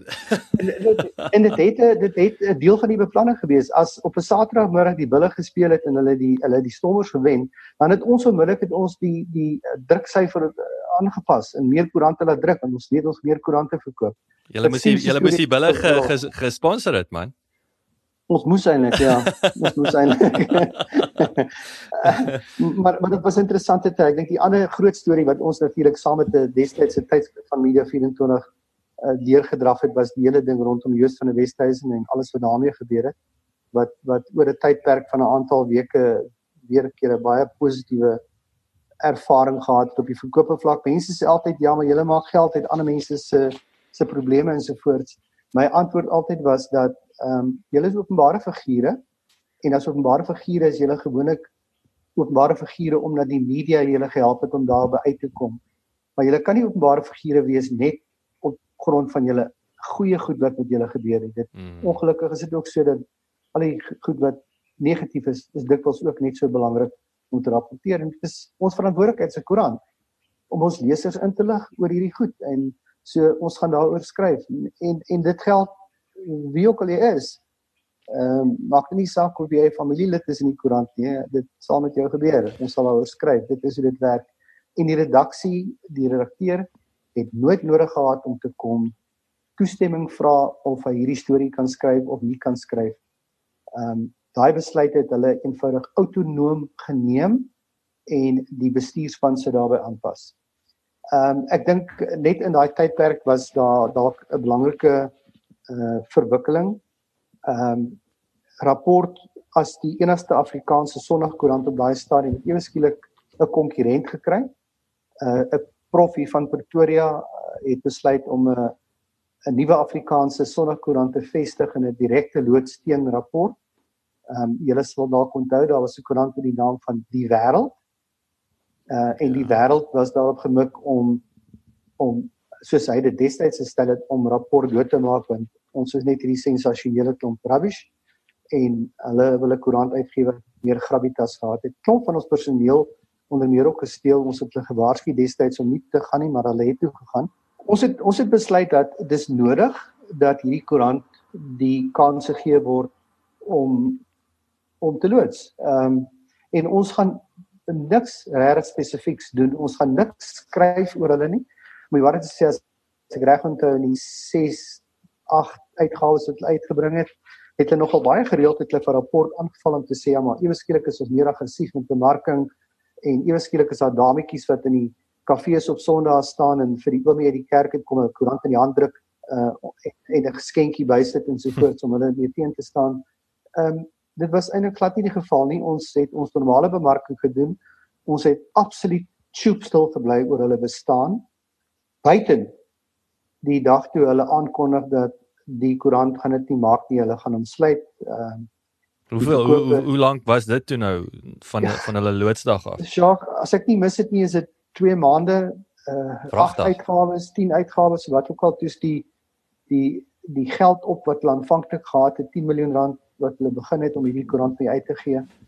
En ek onthou ehm um, tong in die kies het Tim op die voorblad van rapport het hy dit toe aangekondig as die einde van die wêreld breek aan. Wat so? maar maar dit het vir ons waarskuwingsligte laat flikker dat daar is 'n segment aan die onderkant van rapport se normale leserskap wat dalk nie noodwendig bevredig word deur wat rapport doen nie. Hmm. En ons het 'n klomp navorsing gaan doen. Ons het gaan kyk na internasionale modelle. Ek het redelik baie gereis in die wêreld om te gaan kyk na ander kom ons noem hulle ehm um, red top koerante soos jou Sunday koerante in Engeland wat dalk 'n bietjie meer riskant is in terme van inhoud. Ehm um, ook in terme van hulle fotos en so voort. En besef dat daar's dalk 'n geleentheid om dit wel te kan doen. En ons het 'n voorlegging aan die Media 24 direksie en aan Koos Becker gedoen om te sê dat ons dink ons kan 'n koerant gaan vestig wat uh wat daai onderkant van rapporte bietjie gaan beskerm. Ehm um, en seker maak dat ons nie as daar weer 'n konkurrent is, kom kom ons gaan eers self in die mark en ons bestuur daai gedeelte van die mark as wat ons toelaat dat 'n konkurrent dit doen. En al die werk is toe gedoen en ons het toe uh, jy sal dit onthou koerant geloods met die naam Sondag uh, nie sondig nie, Sondag. maar maar maar maar Sondag het sy eie totale redaksie gehad. Mike Vink was die eerste redakteur wat ons aangestel het.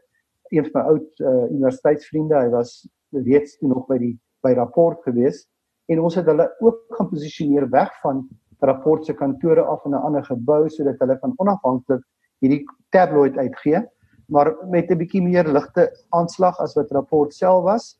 Ehm um, en dit het natuurlik baie vinnig het dit ontwikkel tot 'n Sondagkoerant wat lyk soos die Sun in Engel in Engeland mm -hmm. waar jy topless page 3 dametjie het wat daar pryk.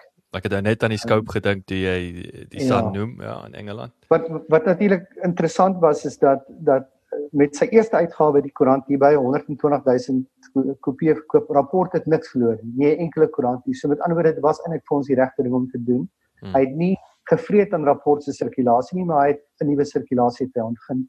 Maar natuurlik daar was ook 'n interessante ek weet dat by baie winkels wat ons gekom het het ehm um, het die kafee eienaars uh, verstaan dat die oomie wat nou net uit die kerk uitkom en sy rapport kom koop en dan uh, dosyn buns en so voort vir vanmiddag ehm um, huiwerig was om Sondag op te tel gegee die inhoud en veral die bladsy 3. Ehm um, en het baie van hierdie kafee eienaars begin om die Sondag in te voeg met die hand in rapport en en dit dan aan te bied as 'n spesiale rapport. Kyk, dit gegaan het niemand jou sien om koop nie. Dit was maar die dilemma, né? Korrek. En en en dan het die dan het die oomies uitgestap en die koerant in die buns in die boot gesit. Ja. En eers later wanneer wanneer maar dalk middag slaap jy vat het hy die Sondag uitgehaal. Dis baie so, snaaks. Ja, ehm um, in 2010 ehm um, het ons die koerante besigheid weer 'n keer geherposisioneer. Ehm um, en gesê kom ons kyk na twee sake eenhede vir die koerante, noord van die Oranje rivier en suid van die Oranje rivier. Ek is toe aangestel as die uitvoerende hoof van Nuus Media Noord. Uh, wat dan nou rapport in die Sondagkoerante insluit, City Press, Sondag, Sunday Sun, maar ook beeld ehm um, en die Volksblad en dis noord van die Oranje en dan nou al die gemeenskapskoerante hierbo. Vir daai tydperk was ek onder meer ook al reeds vir 12 jaar die voorsitter van 'n gemeenskapskoerante besigheid in die naam van Mooival Media wat 'n klomp koerante uitgee in die Vaal Driehoek sowel as in Potch, die Potch Herald, uh die Kaltmal Herald en dan hier in die suidelike uh, in die Vaal Driehoek onder meer Ster en Vaal Weekblad ensovoorts. Ehm um, Dis 'n gesamentlike onderneming wat behoort aan Media 24 in Caxtons. Maar Media 24 het meer aandelehouding in die groep en as sulks sê dit as 'n Media 24 eh, besigheid te funksioneer. Uh, alhoewel die direksie het uit albei die maatskappye te staan. So ek het dit toe as deel van my totale pakket bymekaar gekry. Uh en al hierdie klomp koerante bestuur en hier in begin van 2011 Jacques het ek eintlik reeds besef dat ehm um, waar die rapport 440 000 koerante verkoop het staan en naby 300 en besef 'n ou dat die digitale en sosiale platforms wat begin oorneem het in terme van hoe mense inhoud en nuus begin gebruik is besig om natuurlik hierdie besighede toe te maak. Nie toe te maak nie, maar dit te dit te verander na na digitale besighede oor 'n periode van tyd. Ehm um, ek het besluit dis tyd vir my om aan te beweeg uit die Media 24 groep uit en om my eie besigheid te gaan vestig daar buite en ek het so 3 maande kennis gegee en ek is weg by Media 24 in Julie 2011. Ehm um, en my eie besigheid in die naam van Lekker Media eintlik verperk begin as 'n konsultasie besigheid in die bedryf omdat ek gevoel het ek kan waarde toevoeg tot verskeie goed in die in die in die media bedryf of dit nou advertensieverkope, boodskappe, bemarking, sakeplanne, bemarkingsplanne ensovoorts uh, dit nogal lekker sou kon doen. Ehm um, en dit was my dit was my goeie tydperk. Kan ek net sê in die hele loopbaan tot nou toe het ek baie spesifiek twee mentors gehad. Jan Malherbe by by Media 24 en dan 'n Roy Minnar by Republikeinse Pers. Uh nie noodwendig ooit by Times Media Limited nie, maar daai twee mense staan uit as mense wat leiding gegee het, geleenthede gegee het empatie getoon het in terme van jou ontwikkelingsfases, gehelp het, gedruk het, geraas het, uh, al daai goed wat jy kan kan dink wat jou gehelp het om uiteindelik jou volle potensiaal te kon bereik. En dit is ongelooflik belangrik om altyd terug te kyk na Jan en Roy en ek probeer hulle soveel as moontlik nog kontak en sien uh net om altyd te sê dankie en dankie en dankie en hopelik ehm um, is daar 'n paar mense wat vir wie ek 'n mentor kon gewees het en uh, weet nie dalk is daar hulle kan maar laat weet as hulle dalk na hierdie uh, podcast gaan kyk uiteindelik. So kort nadat ek weg is by Media 24, ehm uh, is ek genader deur die bedryfsliggaam uh MASA, the Marketing mm -hmm. Association of South Africa wat 'n bedryfsliggaam is. En dis 'n bedryfsliggaam wat nou weer 'n keer verantwoordelik is om die belange van groot nasionale adverteerders te waardig in die bedryf buite. Met ander woorde, hulle het nou weer ook sitting op direksies soos die ABC en en SARF ensovoorts. Ehm um, en en dis 'n 'n 'n liggaam wat befonds word deur maandelikse fooie wat betaal word deur kom ons sê plekke soos banke, ehm uh, groot uh kleinhandelaars ensovoorts.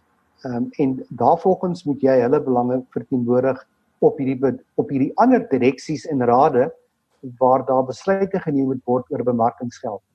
Die bemarkers, MASA, the Marketing Association of South Africa, sê alles begin by hulle want dit is hulle geld en hulle begrotings wat daartoe lei dat alle ander media eienaars uiteindelik kan bestaan en 'n bestaan kan maak of dit nou 'n koerant is, 'n radiostasie, 'n TV-program stasie wat ook al dit is. Uh, dit dis hulle geld en daarom wil hulle verantwoordelikheid hê wanneer daar besluite geneem word oor hierdie geld spandeer word. Ehm um, en ek ek is toe aangestel as die hoofuitvoerende beampte van Masa. Ek het gevra op 'n 1 jaar kontrak omdat ek wil aan die gang kom met my eie besigheid. Ehm um, die primêre doelwit by Masa was kry vir ons meer lede, met ander woorde gaan na groot bemarkers toe wat nog nie lede is nie en lede behoort te wees sodat ons beter en meer verantwoordelikheid het en kan beter verteenwoordig word op die ander direksies waar ons geld aangewend word in die bedryf.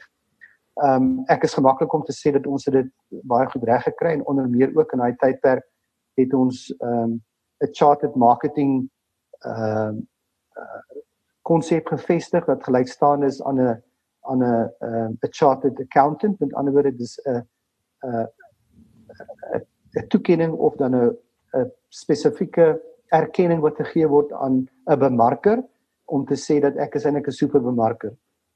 Ek is meer as die gewone ou daar buite en dit dit was binne die die uh instituut die instituut die die universiteit ensovoorts was dit was dit verklaar as dit dit, dit werk so. Dis goed. Um in daai tydperk wat ek my jaarkontrak klaar gemaak het, is het die die eienaars van die buitelugorganisasie, ook 'n bedryfsliggaam, RFO Media South Africa of OMSA, het 'n soortgelyke probleem ervaar. Hulle het nie meer uitvoerende hoof gehad nie. Hulle het gesoek daarna om hulle ledegetalle te verhoog en natuurlik ook om hulle ehm uh, as organisasie te te te versterk binne die bedryf sodat daar meer geld na die buitelugorganisasies toe vloei. Groot maatskappye soos uh dis soos 'n JC Decau byvoorbeeld. Ja, korrek. Dit hulle nog nie in Suid-Afrika bestaan nie. Uh, hulle het, hulle het, hulle het so 'n paar jaar gelede het hulle ingekom. So ek is toe aanstel as die uitvoerende. Oh, Prime Media, nee, of was Prime, Prime Media? Media ja, dit ja. Prime Media, ja, natuurlik ja. Prime Media. En 'n klomp ander, daar's 'n klomp grootes en 'n klomp kleintjies. Baie moeilike uh, besigheid om te bestuur omdat daar geweldige regulatoriese omgewing bestaan in terme van buitelug reklame. Uh ou kan nie sommer net 'n bord in jou erf oprig en sê ek gaan nou advertensies daar verkoop nie. Val wanneer dit kom by nasionale uh, wees 'n paaie waar jy byvoorbeeld die borde kan oprig binne 300 meter van 'n op of af vir dit nie. Sulke goed dit bestaan. Baie belangrik in Kaapstad byvoorbeeld is dit 'n geweldige probleem vir buiteligmaatskappye want daar word geen buitelig reklame toegelaat op groot borde binne die Kaapstadse metropool nie. Glad nie. As jy weer Kaap toe gaan gaan kyk bietjie, daar is niks. Jy kan buite die stad is daar baie borde en soos ek die inry is daar maar in die stad self nie. En hulle rede is dat dat hierdie is die stad van die internasionale toeriste besoeker en ons wil dit graag so pristien as moontlik hou sodat wanneer hulle kom dan dit skoon en netjies en so voort. Hmm. Ehm um, natuurlik verloor hulle baie geld want uiteraard word daar uh, word daar tantiemes betaal deur die borde aan die stadsrade vir die die feit dat hulle wel hierdie borde toelaat en so voort maar dis maar 'n besluit wat jy neem dis soos moet ek inperk of moet ek nie inperk nie. Maar nou ja. Sorry ek weet vir jou een ek wil vanaf hmm. jou uh, vraag vra. Jy weet jy het, jy het hierdie ongelooflike um jy weet track record. Um wat het, het jy 'n resep gevolg? Ek bedoel jy die, elke keer is dit die ouens veral met weet ons soek meer lede, ons soek meer lesers, ons soek ehm um, jy natuurlik so jy baie gefokus op die op die op die verkoop en die bemarking. Ehm um, is daar 'n resep wat jy elke keer 'n wenresep wat jy gevolg het as jy dit in 1 minuut kan opsom of is dit verskeie faktore? Dis ek dink is altyd 'n klomp goed. Ehm um, maar die die belangrikste wat ek wat ek altyd kan wat ek altyd vir mense sê is dat om iets te verander moet jy toegang hê tot die bedryf. And and if you don't have access and you can't get in there, you can't do anything. En ek dink gelukkig het ek deur my loopbaan by Republikaanse Pers by Times Media Limited by Media 24 het ek oor 'n tydperk van 30 jaar plus het ek toegang verkry tot die bedryf en omdat ek op so van hierdie uh, individuele uh, bedryfsliggame en direksies gedien het, het mense jou geken en dit jou toegelaat om daar kom. Maar dit nie beteken dat jy dat jy altyd gaan suksesvol wees nie. Maar jy, jy kon nie jy kon nie foon opstel en en iemand gaan ja, dit, om antwoord was, die telefoon gaan geantwoord word. Ja.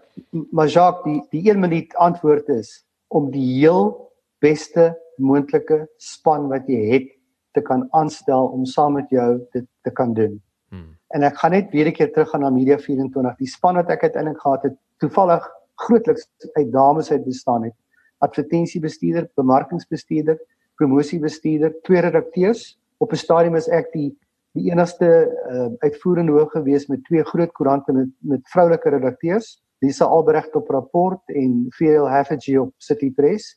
Ehm um, maar 'n span wat ongelooflik nou kon saamwerk, amper 'n familie en saam planne kon maak en saam dit kon uitvoer.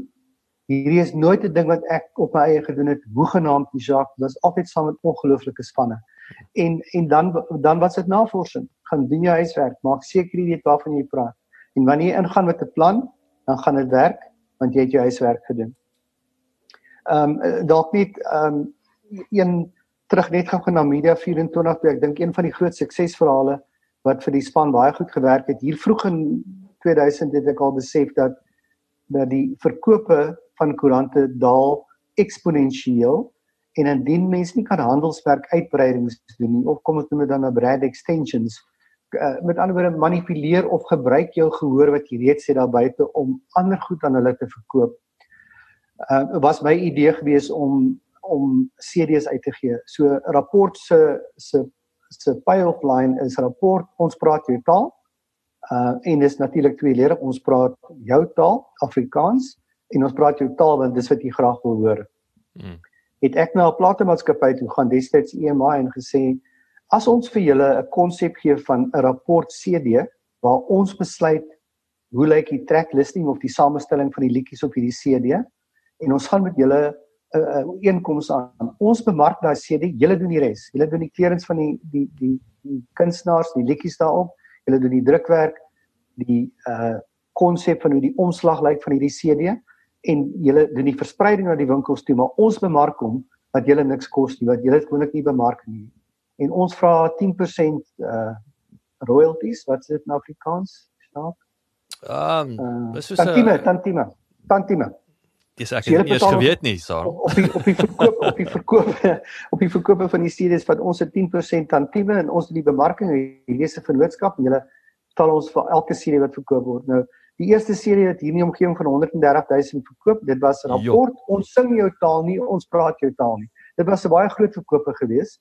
Uh, ek weet in die tyd dat ek weg was by Media 24 was die totale aantal in omgewing van omtrent 26 series wat wat ons gedoen het plus 'n klomp DVD's 'n soort gelyk en ons het ook baie vertonings gedoen um live shows wat ons opgeneem het en dan later ook series van gemaak het. As ek nie reg, as ek nie mis het nie, was dit nie omgewing van 7 miljoen, 6 7 miljoen rand se tantimes in kontantwaarde wat in rapport en die ander koerante se bottom line ingegaan het en wat 'n baie groot bydrae gemaak het tot jou tot jou finans tot jou winsgewendheid van die besigheid alhoewel dit nie geskoei was op koerantverkope self nie.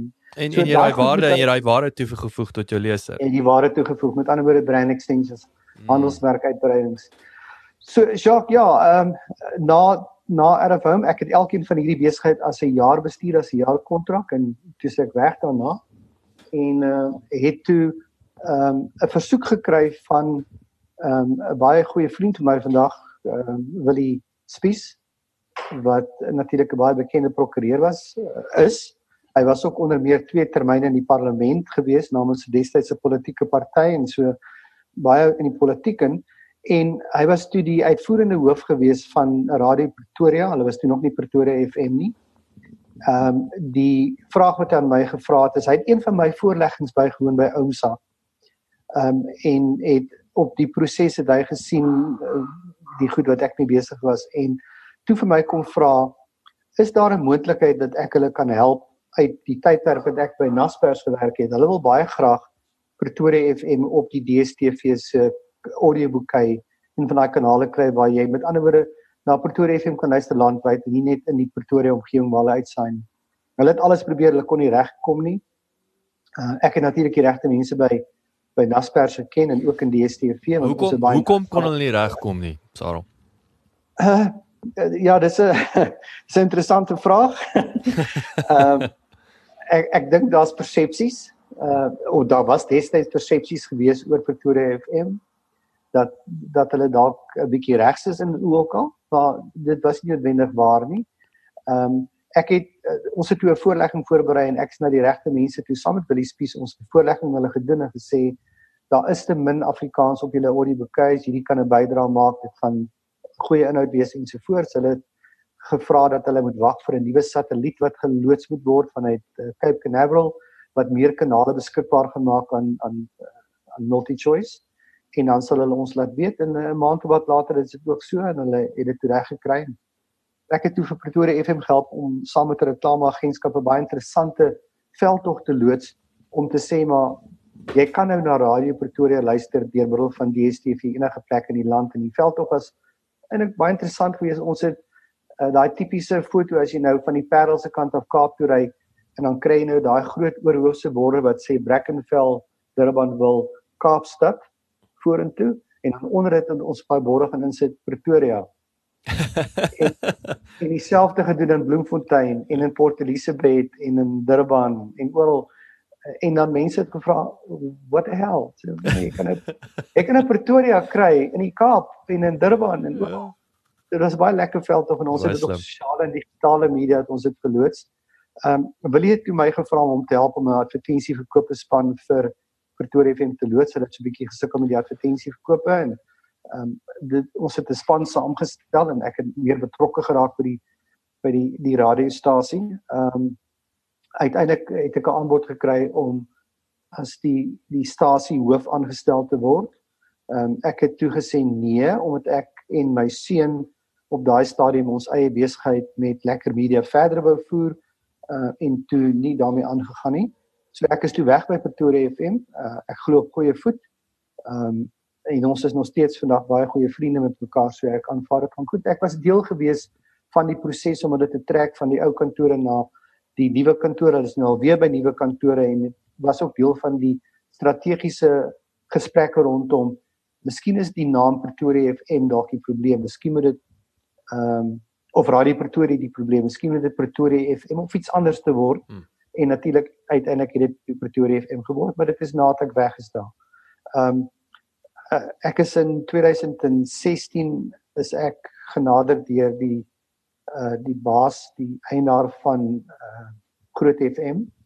Ehm um, wat ook 'n ander radiostasie besit, Tygerberg 104 FM in die Kaap wat 'n 'n gospel tipiese gospel radiostasie is. Um hulle het uitvoerende hoof gehad hier bo of 'n hoofbestuurder van die radiostasie wat weg is by die stasie en intussen het dit beteken dat hy elke nou en dan hier bo moet reis en hy bly in die Kaap, dan moet hy hiernatoe kom en hy's deel van die bestuurspan hier bo en die bestuurspan wat hy het is baie spesifiek of op die inhoud of op die bemarking ensovoorts en daar's nie noodwendig 'n oorhoofse span nie en hy kort iemand om hierdie besigheid te bestuur. Ek moet net byvoeg op daai stadium was daar reeds uh die platform gewees wat die radiostasie Groot FM ook dit reg gekry het om kort voordat ek aangesluit het by die span ook die ontbytprogram van Groot FM in die oggend wat die groot ontbyt is ook te kon laat uitsaai op kyk net. So dit was voordat ek daar gekom het Jacques, dis nie ek wat dit geskep het nie, dit was reeds daar in plek gewees. Groot plaas het eintlik eers daarna gekom en dit was 'n verdere ontwikkeling gewees van 'n radioprogram wat ook op nasionale televisie en dis eintlik is dit 'n absolute 'n wenner nog nêrens in die wêreld wat ons weet op die skaal gedoen word nie. En dit kom van jy maar jy skiet Sarah ek van jou rede maar jy jy was uh, vir my geklink of jy wel 'n pionier was by Pretoria FM om die gemeenskapsradiostasie daai nasionale ehm um, reach te gee wel sekerlik vir Pretoria FM met die feit dat hulle toe kon op DStv audio uitsaai maar nie in terme van beeld nie.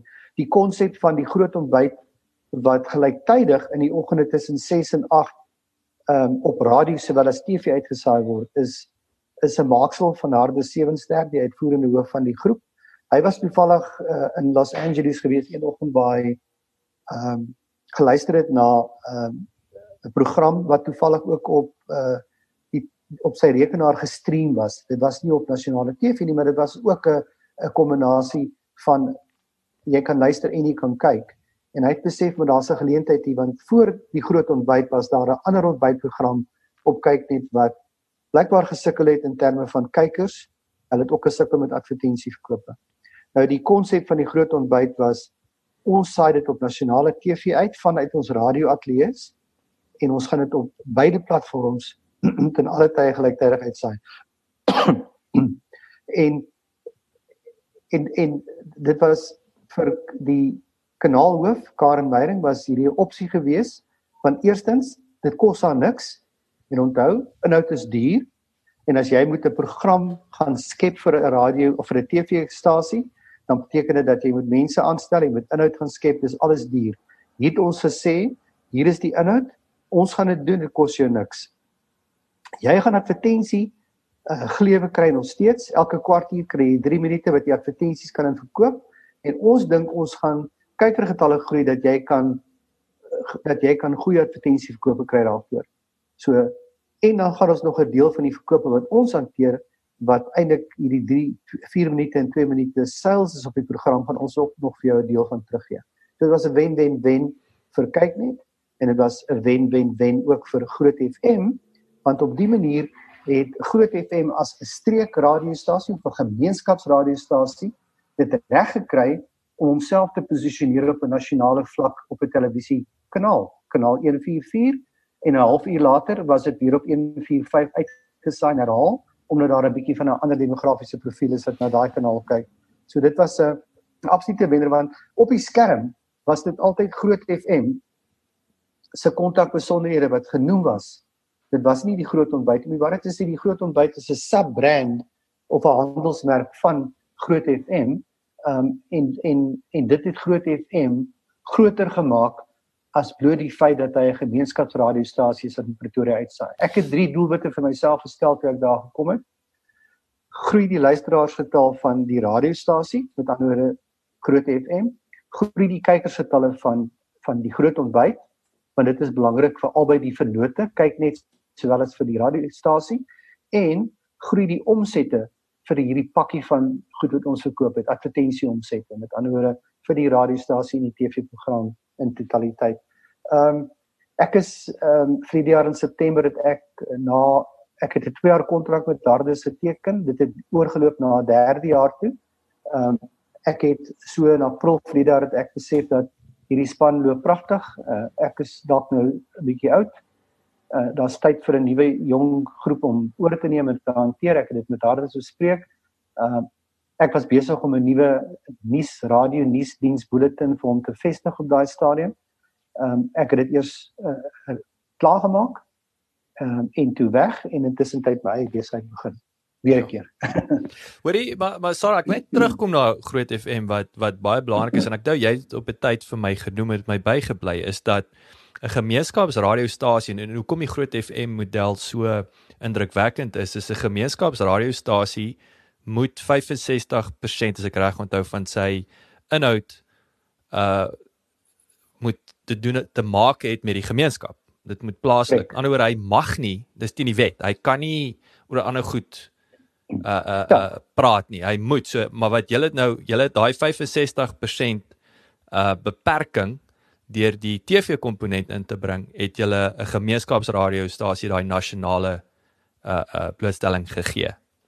Korrek. Eh, Jacques, as jy ehm um, aansoek doen om 'n gemeenskapsradio lisensie by Kasa te bekom, dan indien jy suksesvol is, dan kry jy 'n lisensie wat verskriklik duidelik voorskrifklik is. Met ander woorde, dit gaan vir jou sê byvoorbeeld dat jou inhoud wat jy op die radiostasie uitsaai, moet 70% plaaslike inhoud wees. 20% daarvan kan nasionale inhoud wees en 10% kan internasionale of ander inhoud wees. Dit geld ook toevallig vir die nuusinhoud wat jy aanbied. So as jy nuus uitsaai op die radiostasie, jy moet dit doen. Dit sê dit ook in die kontrak of die ooreenkoms of die lisensie wat sê jy moet 81 minute per dag nuus uitsaai op hierdie radiostasie. En dit word ooreengekom in terme van die die die lisensie wat jy bekom. So daai 81 minute kan jy nou gaan verdeel in bulletins soos jy wil. Ek het 'n 6 uur bulletin, 'n 7 uur, 8 uur, 9 uur, 10 uur, wat ook al uh, en elkeen van hulle is 3 minute lank en dit sê ook hoe daai bulletin se inhoud moet lyk. Die geld dieselfde geld vir die musiek wat jy aanbied en hulle gee grasie oor 'n tydperk. So jy begin by 60%, uiteindelik is jy by 70 en dan is jy by 75 ensovoorts. En dit word op 'n maandelikse basis word dit gemeet. So jy moet verslag doen aan die kassa op 'n maandelikse basis deur te sê hier is die inhoud van my musiekkomponent, hier is die inhoud van my ander komponent, my programme hier is die inhoud van my nuuskomponente en dis hoe die persentasies lyk. Ehm um, as jy nie noodwendig daarby uitkom nie, gaan hulle grasie gee. Jy moet uiteindelik daarby uitkom. Hulle is hulle verstaan dat dit nie altyd altyd moontlik om dit onmiddellik te doen nie. Maar terselfdertyd eh, kan jy gepenaliseer word en jou lisensie weggeneem word indien jy eenvoudig hierdie goed ignoreer. En nou mense kan aanvaar dat kase kan nie na 300 radiostasies luister nie. So wat hulle wel doen is ehm um, een keer 'n jaar versoek ICASA dat jy moet 'n spesifieke maand se volledige uitsaai van elke dag vir 'n maand moet jy vir hulle kan verskaf en onthou al hierdie goed word geback op 'n stelsel so jy kan dit doen. Hulle gaan dalk sê Mei 2019 ons wil julle totale uitsaai van daai maand wil moet julle vir ons asseblief op 'n stokkie sit en laat aflewer en dan gaan ons daarna luister en dan gaan ons kyk na julle syfers en bepaal of jy behou vir die ooreenkomste en die lisensie voorwaardes. So dit is belangrik dat jy daarby bly en nog steeds bly Groot FM selfs met die groot ontbyt by daai selfde resept. Dis bloot 'n geval van wanneer ons byvoorbeeld of hulle, ek is nou weg daar, wanneer hulle byvoorbeeld die verkeer sou doen in die oggend, dan sal hulle fokus op die Pretoria verkeer Maar hulle sal ook Johannesburg se verkeer noem en ook Kaapstad se en Durban se en Dina verkeersissues is, sal hulle dit op die manier hanteer. Maar dit is 'n bietjie van 'n nasionale flavour gee, maar dit is daarom 'n program wat die nasionale uitgesaai word. Dan is daar onderbrekings in die oggend 6 en 8 wanneer die radio en TV skei en sekere van die programme byvoorbeeld net op TV uitgaan en ander net op radio uitgaan. Dit help natuurlik vir sekere goed want van die uh, die inhoud wat op TV uitgaan werk net nie vir radio nie. Kom ons vat die kook segment. Daar staan 'n chef en praat met iemand en wys goed. Die ou wat luister daarna in 'n karradio gaan nie verstaan wat daar aangaan nie. So die die hmm. die kookgedeelte of daai inset in die oggende gaan net op TV nie op radio uit nie. In daai tydperk uh, word daar ander inhoud vir die radio aangebied ehm um, wat uit die ateljee uit aangebied word. So dit is 'n is 'n bietjie van 'n is 'n bietjie van 'n nagmerrie en 'n ou moet eintlik net een oggend self daar wees om te kyk hoe dit werk en ek weet jy Jacques was toevallig een van die gaste op die groot ontbyt gewees met klipkouers uh 'n hele paar jaar gelede. Um ek is bly om te sê uh 2 jaar gelede was die eerste 3 jaar kontrak wat kyk net met Groot FM aangegaan het om hierdie program aan te bied was uh op die punt om her, hernuut te word of nie hernuut te word nie. Um en ek het uh, die voorreg gehad om met die kyknetspan te sit en die kontrak vir 'n verdere 3 jaar te hernie. Ehm um, want dit werk vir hulle. Dit werk ook vir ons. Uh, ek het so 2 hmm. jaar gelede het ek vir die radioprogram of vir die radio self het ek 'n voorstel gemaak aan die radio hoof Franswa Botha om uh, so bietjie in die oggende wanneer daar 'n lal is na jou drive breakfast show en weet dit voordat jy by die drive in die middag kom huis toe gaan ry so 'n bietjie iets anders skep waar die volk kan lag, die Pretoria mense kan lag met 'n 'n span mense in die ateljee wat kan praat oor nonsens en baie kan lag daaroor en om die om die luisteraars in die kantore waar hulle werk en luister na Groot FM te betrek en om boodskappe in te stuur en te luister daarna ensovoorts. Maar dit moet baie moet, moet laf wees. Dit, dit moet dit wees. En ons het besluit om dit te doen en Frans wat gesê ehm um, nou maar wat gaan ons hierdie program noem en ek het sê nou maar kom ons praat daaroor. Uh en Frans wat gesê maar daar's 'n naam. Kom ons praat daaroor. Want ons kan nou enigiets praat. Maar kom ons praat oor en ons gaan 'n tema hê elke dag. Ons gaan interessante goed uit die koerante en so voorts haal en daaroor gesels. En dit is toe presies wat gebeur het. Uh kom ons praat daaroor ehm um, het begin. Dit was 'n absolute weghol sukses van die begin af. Ehm um, ons het gesien hoe 'n spike begin toeneem in die luisteraarsgetalle daai tyd van die dag en die betrokkenheid van luisteraars deur middel van WhatsApp boodskappe, atlete en so voort tot die punt toe waar regter die land ehm um, ek mense begin deelneem aan kom ons praat daaroor.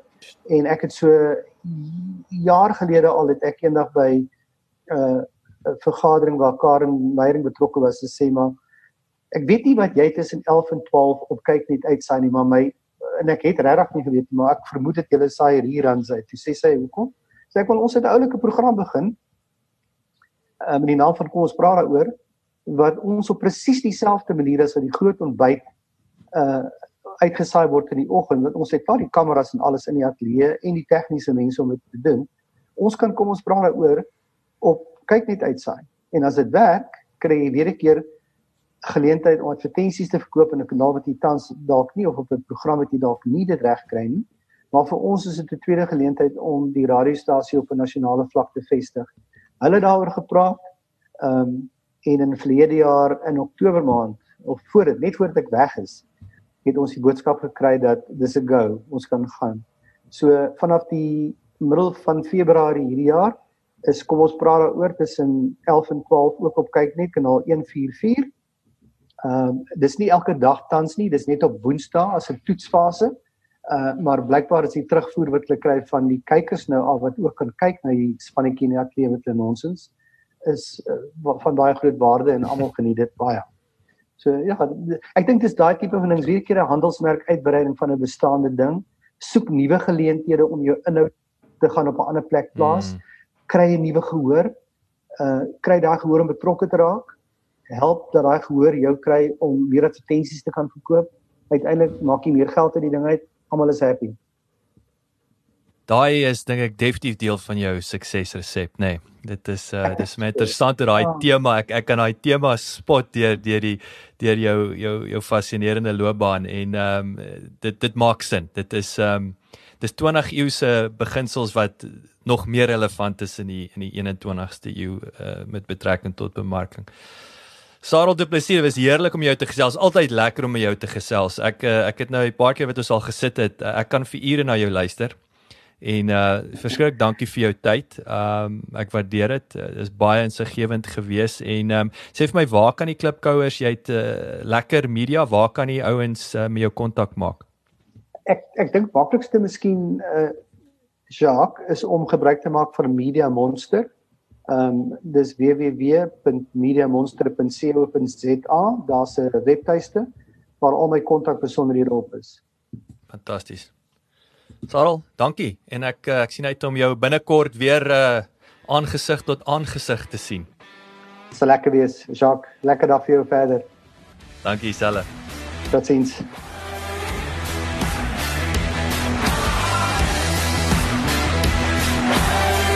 Baie dankie dat jy geluister het. Vir 'n opsomming en notas van die episode, gaan asseblief na ons webwerf www.klipkouers.com en teken sommer in terwyl jy daar is, dan kan ons jou gereeld op hoogte hou. Baie dankie.